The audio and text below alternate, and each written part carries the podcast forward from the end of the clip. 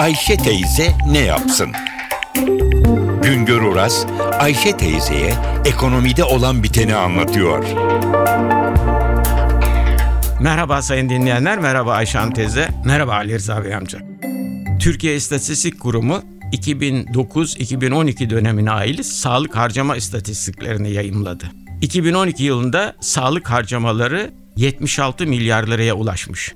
Yıllık harcama artışı %10 dolayında. Kişi başı sağlık harcaması 2012 yılı için 1019 lira yahut da 566 dolar olarak belirlenmiş. Devlet 2012 yılında toplam sağlık harcamasının %77'sini karşıladı.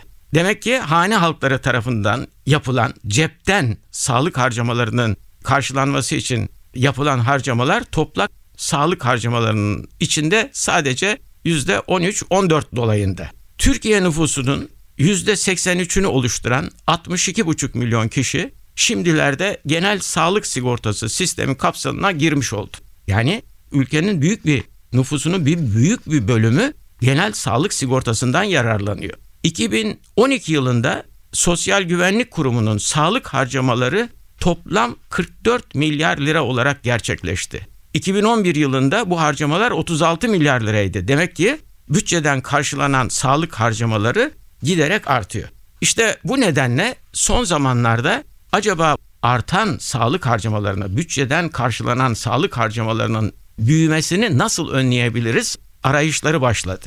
Bu amaçla tamamlayıcı sağlık sigortası uygulamasından yararlanma imkanları gündeme geldi. Genel sağlık sigortası kapsamında verilen sağlık hizmetlerinin belli bir bölümünün azaltılması, bu genel sağlık sigortası kapsamından çıkarılan hizmetlerin isteyenler tarafından özel sigorta şirketlerinin tamamlayıcı sağlık sigortası poliçeleri ile tamamlanması araştırılıyor. Bu ise kişilere önemli ölçüde bir sigorta faturası ödeme yükü getiriyor.